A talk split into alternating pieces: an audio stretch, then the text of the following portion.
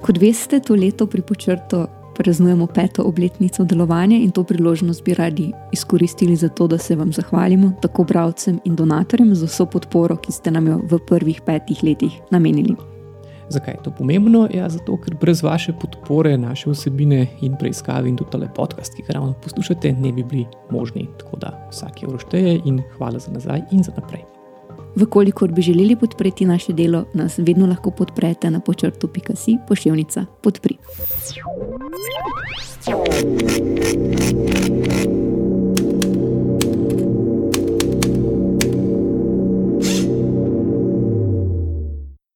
Lepo pozdravljeni v 18. epizodi počrtu podcasta. In to jesen smo spet z vami, Taja, Leonard in Anže. Pogovarjali se bomo pa hm, tokrat spet o eni od glavnih preiskav letošnjega leta in sicer pogrebnikih podjetij. Za tiste, ki niste slišali naše prve epizode o pogrebnikih podjetij, pejte poslušati, ampak ja. Na kratko pa. Uh, to so strokovnjaki za skrivanje premoženja v tujini, ki pomagajo podjetjem takrat, ko bi podjetja morala iti v stečaj in sicer na način, da jim pomagajo s prenosom premoženja na podjetje v tujini, na, tako da se za premoženjem in pa za dokumentacijo teh podjetij izgubi vsaka sled. In da potem upniki ne morejo pač svojega dolga izterjati prek teh, tega premoženja, ki je skrito dosti krat v davčnih oazah. V tokratni epizodi se bomo ukvarjali z dvema primeroma in sicer primeroma Plutengraden in pa z njim povezanim primerom nakupovalnega centra Špar, In te kompleksne in med sabo povezane zgodbe smo pa spravili zaradi tega, ker krasno pokažejo vso problematiko pogrebnikov podjetij, kar pomeni ne samo, da ostanejo podizvajalci, pa upniki nepoplačani, ne samo, da se tukaj zgodijo številne nepravilnosti, ampak se tudi pri sami gradni lahko zgodijo napake, zaradi katerih so potem ogroženi uporabniki teh objektov, kar je recimo verjetno tudi primer Šparovega centra v Škofiroki. Vendar pa se je zgodba v katero je kot eden izmed glavnih akterjev upleten zvonko petek, prvotni lastnik Pluton Graden, začne na vides prav optimistično.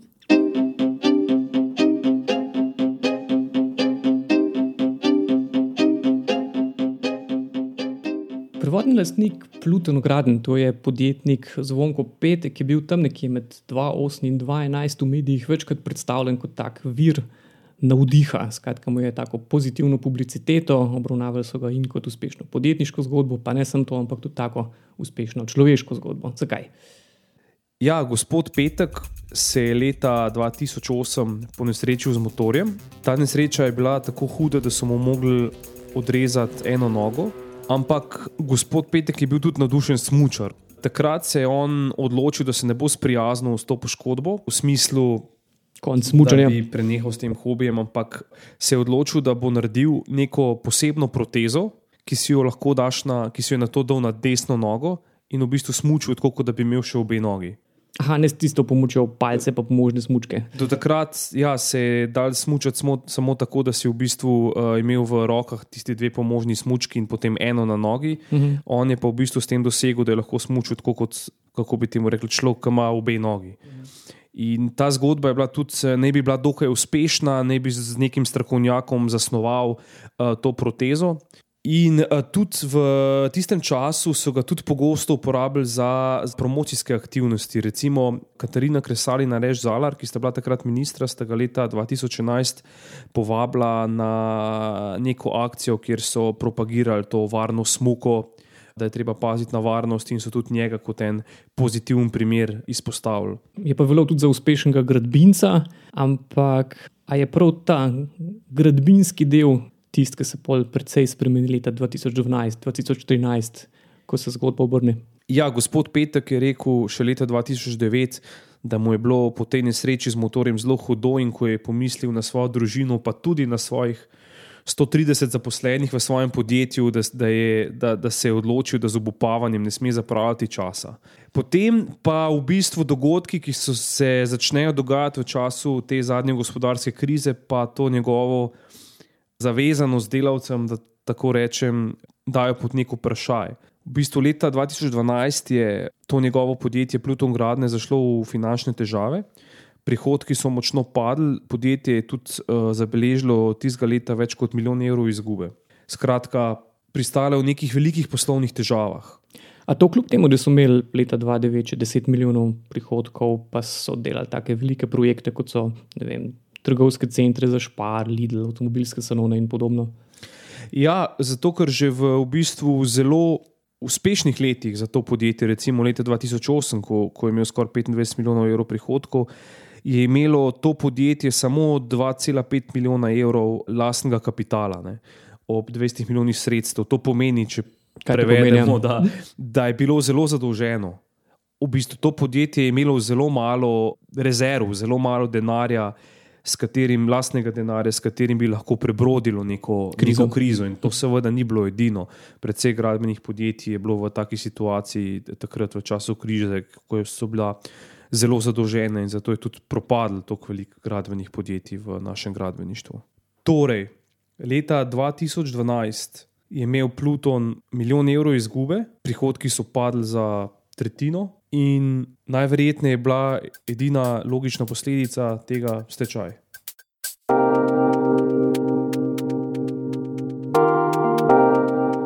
Leta 2013 je torej podjetje Pluton Gradnje v točki, ko bi moralo iti v stečaj, vendar se to ne zgodi, saj v podjetje takrat stopijo pogrebniki podjetij. Anže, kaj se je zgodilo?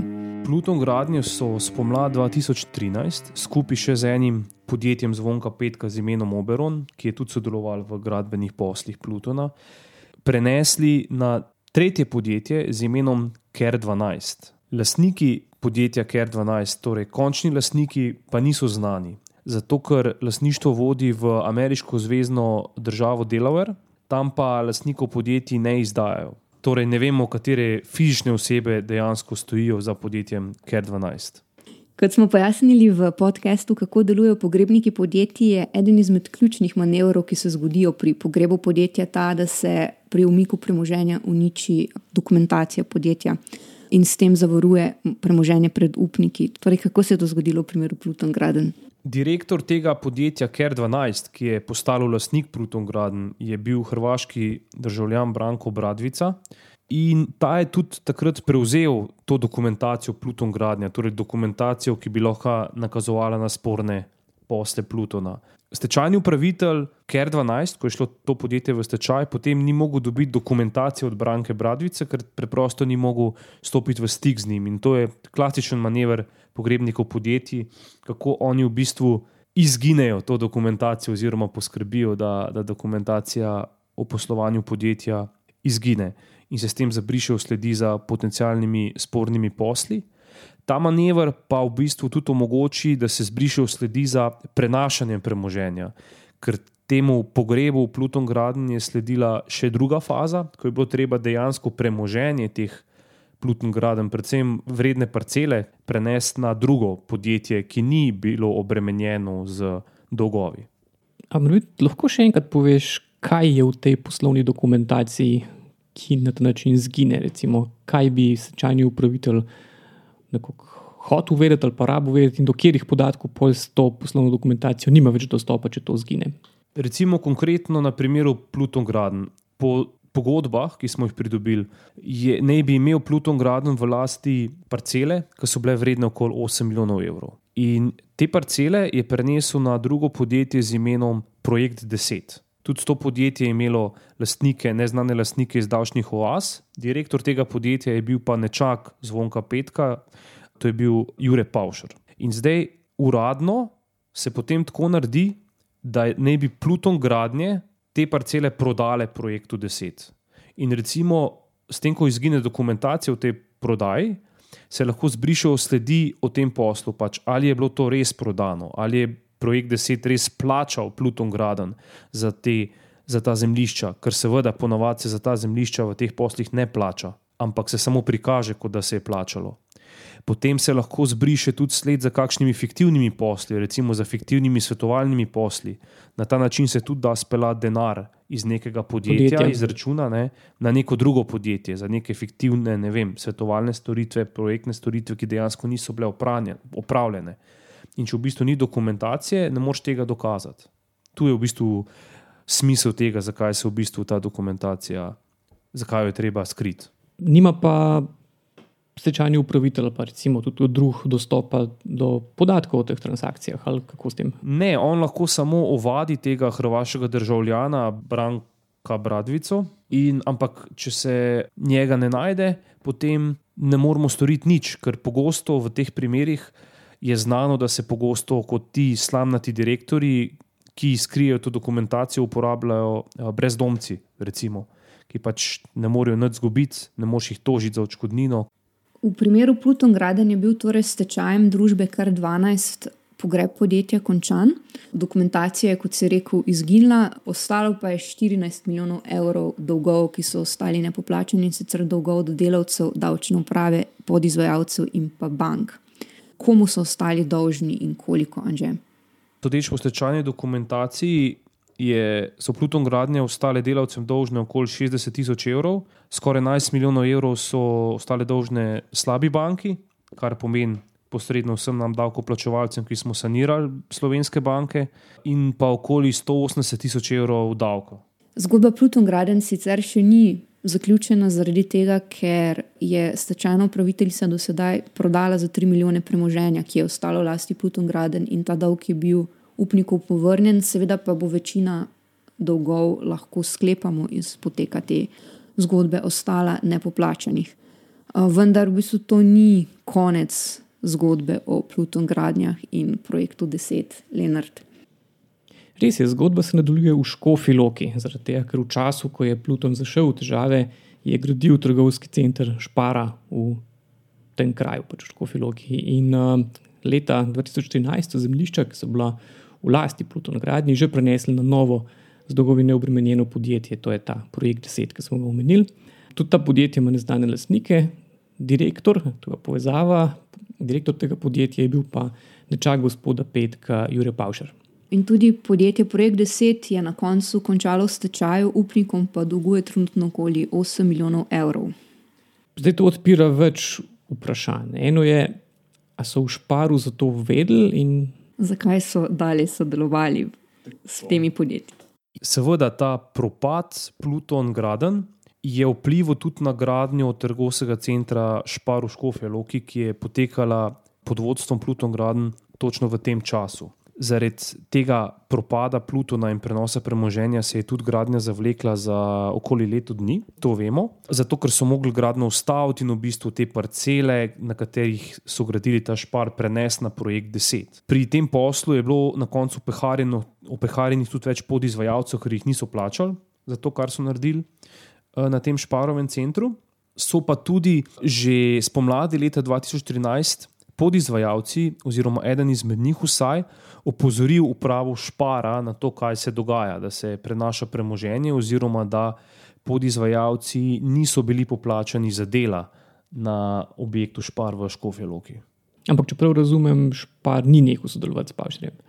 Z gradnjo tega centra v Škofje Loki se zgodba med Juretom Pavšerjem in Šparom ni končala, kljub tem zamudam, ki so nastale pred tem poslom. In v bistvu tem negativnim učinkom, kot so neplačeni podizvajalci. Projekt 10 je leta 2014 za Špar gradil še njegov center v Laškem. Eno drugo podjetje, Pavšer z imenom GT Nepremičnine, je leta 2013 gradilo Šparov nakupovalni centri v, v Kopru. Oba, tako ta center v Kopru, kot tisti v Laškem, sta bila vredna okoli 5 milijonov evrov. Leta 2015 je pa še eno Pavšarevo podjetje z imenom JVG gradilo Šparov center v Medvodah. Ta posel je bil pa vreden okoli 6 milijonov evrov. Kar je pa še zanimivo, je pa to, da so na to vsi, vsa ta podjetja, projekt 10 smo že omenili, podjetje JVG in ne, GT Nepremičnine, da, sta, da so vsa ta tri podjetja propadla, tako kot Pluton Gradni, in za sabo pustile, pustile dolgove ki skupaj znašajo več milijonov evrov.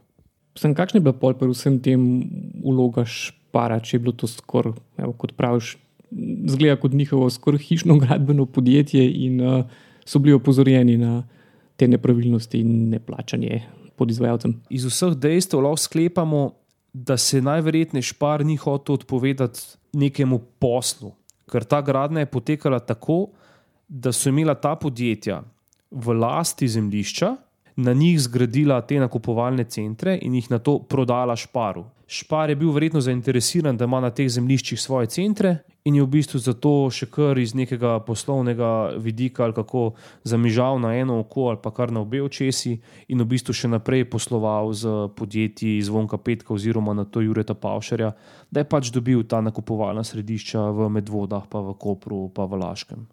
Torej, mi smo se pri preiskavi tega primera Špar obrnili tudi direktno na njih, kaj so odgovorili. Pri Šparu so odgovorili, če malo povzamem, da s temi podjetji Jureta Pavšera oziroma Zvonka Petka niso neposredno povezani, ker so bila ona odgovorna za gradnjo teh trgovskih centrov in da so potem v Šparu le odkupili te centre od njih. Kaj pomeni na ključ? Ja, da so pač kupili končni izdelek, da oni pač niso bili upleteni v to gradnjo. Zato so napisali, da niso pristojni za podajanje odgovorov na vprašanja o teh spornih poslih. Hm. No, ampak recimo, če nekako razumemo pragmatično, zakaj jim je špar omogočil nadaljne posle, ampak kako pa to, da niso ukrepali recimo na FURS ali pa na policiji, ker to so tudi nepravilnosti, ki bi morale tudi njihovo pozornost pritegniti. Ta primer Pluton Graden je zelo dober tudi zato, ker pokaže v bistvu neukrepanje vseh teh organov, ki bi mogli ukrepati v takšnih zadevah, ko se kaj takega zgodi. Recimo, če pogledamo primer finančne uprave. Te podatke imamo, ker je računsko sodišče pred leti upravilo revizijo delovanja finančne uprave in med drugim pod drobno gled tudi vzelo podjetje Zvonka Petka. Torej, eno izmed petkovih podjetij, že omenjeno podjetje Oberon, ki je skupaj z Pluton Gradnami tudi gradilo te nakupovalne centre, je med leti 2011 in 2012 dolgovalo za skupaj okoli 185 tisoč evrov davka. Ampak finančna uprava tega davka v teh letih niti ni poskušala izterjati. In tukaj so bili revizori računskega sodišča zelo kritični, ker so ugotovili, da takrat je to podjetje Oberon še imelo sredstva, s katerim bi lahko ta davek poplačalo. Ampak FURS se preprosto ni lotil te izterjave. V FURS-u so se potem izgovorili, da jim takrat ni dobro deloval njihov informacijski sistem in da zaradi tega niso mogli izterjati tega denarja. Kaj pa policija? Policija je pa posebna zgodba. Eden izmed opeharjenih podizvajalcev je leta 2014 zadevo prijavil tudi policiji. Kriminalisti so se pa pri njem oglasili šele štiri leta pozneje, leta 2018. In v bistvu sredi letošnjega leta, ko smo zadevo preverili na policiji, so nam odgovorili, da primer še kar preizkujejo.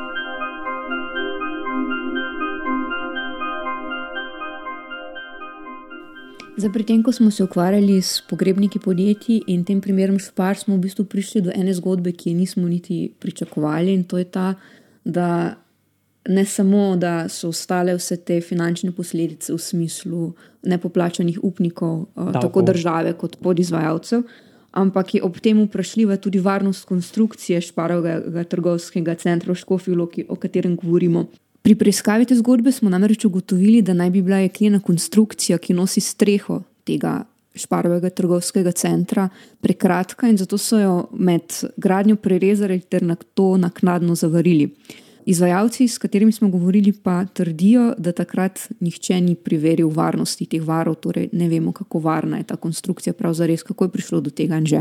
Tukaj se je zgodila uh, zanimiva težava, da ko so pripeljali to železno konstrukcijo, so ugotovili, da je bila napačno skonstruirana v smislu, da, da je preprosto se ne ujema s stenami tega trgovskega centra, ker pač obstaja par centimetrov zraka med konstrukcijo in pa steno, in so mogli zato prerezati, ustaviti noter.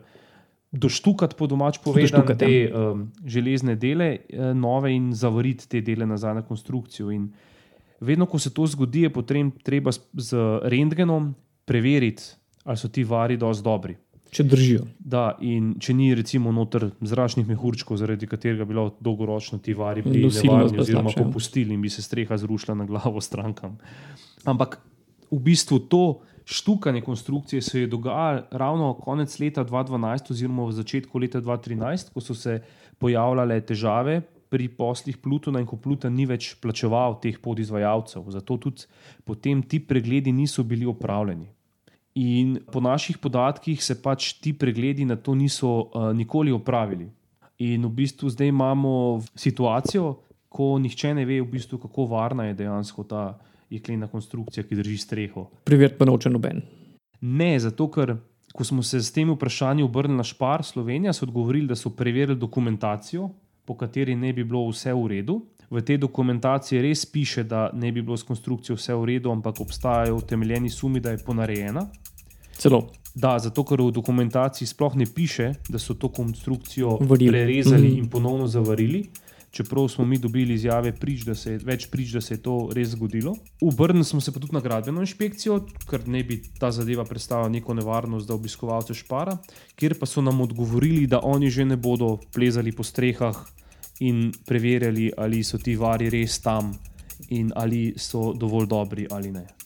In kaj se to pomeni na koncu? To pomeni preprosto, da pač nihče ne ve, kako varen je ta šparov center v Škofje Loki. Tle je treba povedati, da strokovnjaki, s katerimi smo se pogovarjali, predvidevajo, da, da obstaja recimo predvsem povečana nevarnost, če bi se recimo zgodil na tem območju kakšen manjši potres ali pa kaj takega, da v teh primerih se lahko pač pojavi nevarnost, da bo nekomu streha zgrmela na glavo, kot drugače ne bi, če bi bili recimo ti vari pregledani in če bi vedeli, da so dejansko izpravni. Ja, če je bila konstrukcija v enem kosu. Ja, če seveda ne bi že na začetku naredili napake, ampak take napake se verjetno dogajajo.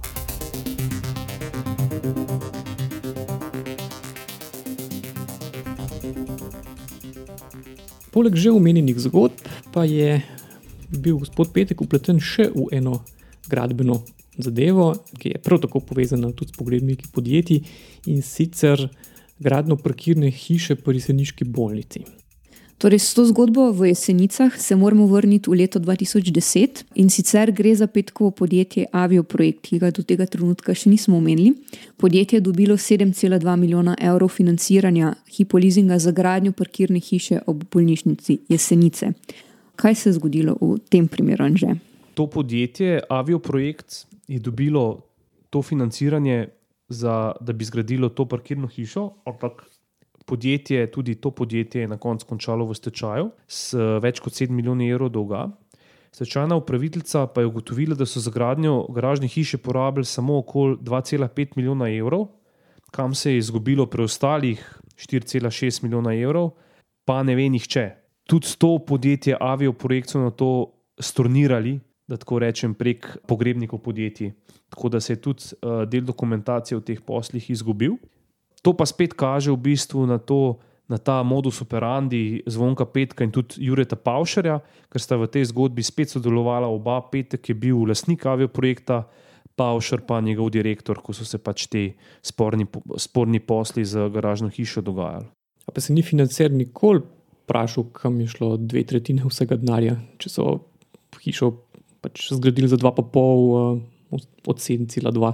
Ta zgodba je povezana s hipolizingom. Ta banka se je znašla v nešteto procesih zaradi dejansko poslov, kot je ta, kjer so dajali močno napihnjena posojila za določene zadeve. Pač, in to je v bistvu samo, lahko bi tudi rekli, eno poglavje v zgodbi, v širši zgodbi hipobanke in obsodbah, ki so se glede tega zgodile v Avstriji, in, in kazenskih postopkih, ki se glede tega odvijajo v Sloveniji.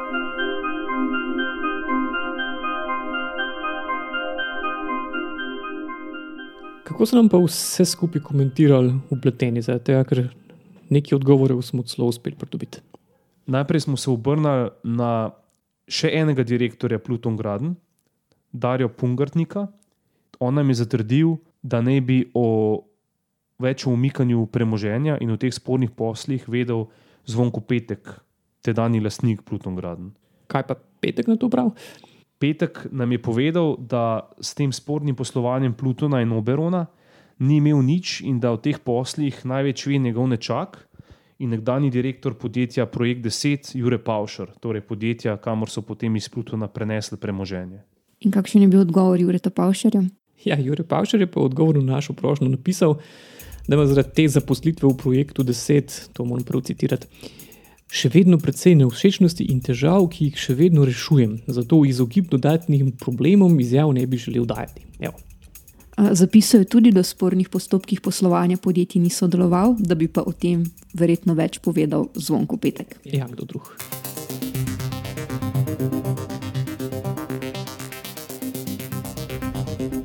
V okviru celotnega projekta Pogrebniki podjetij smo sicer pri počrtu preiskali 16 primerov pogrebov podjetij. Ti so vsi potekali s pomočjo mreže Orion. In samo ti primeri so ustvarili za več kot 200 milijonov evrov dolgov. Vzorec je pa pri vseh izredno podoben. In sicer prenos premoženja na novo ustanovljena podjetja, kjer se lastništvo ponavadi končajo v ameriškem Delawareu, kjer ne razkrivajo podatkov o lastnikih. In uh, te prenose pa je omogočila predvsem neodzivnost upnikov in pa tudi države. Vsi primeri, ki so pa dejansko končali na sodišču, pa vsi še trajajo.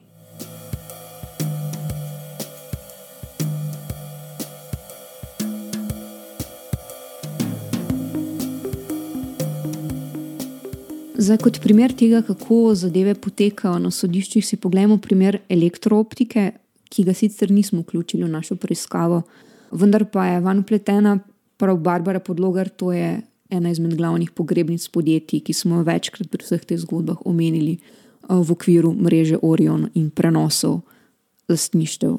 In kaj se je zgodilo v tem primeru, da je elektrooptika zanimiva?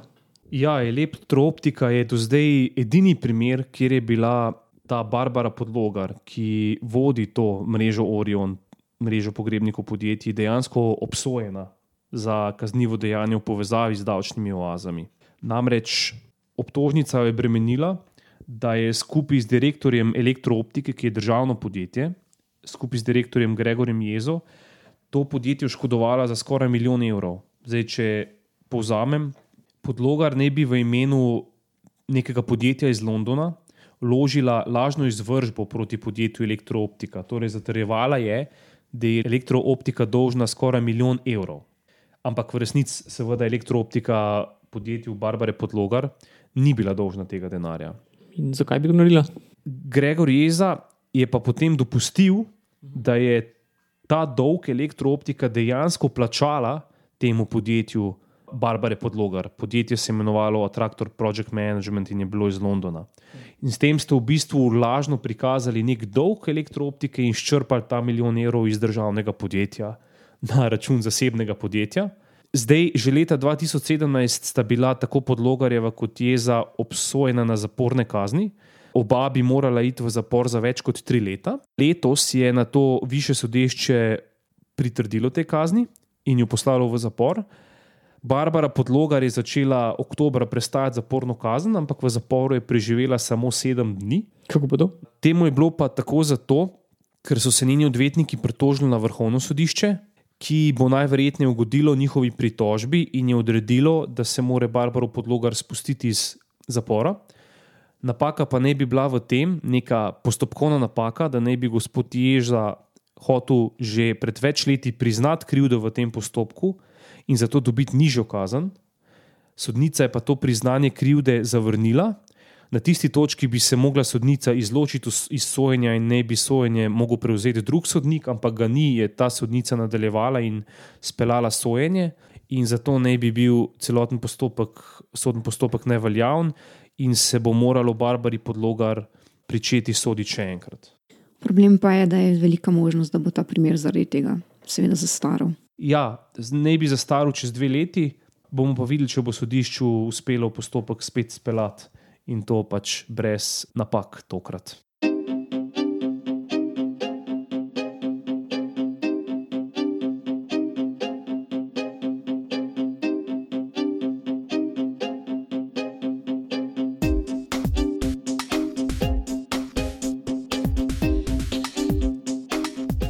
V tokratni 18. epizodi počrtu podcasta smo bili z vami Leonard, Anže in Taja.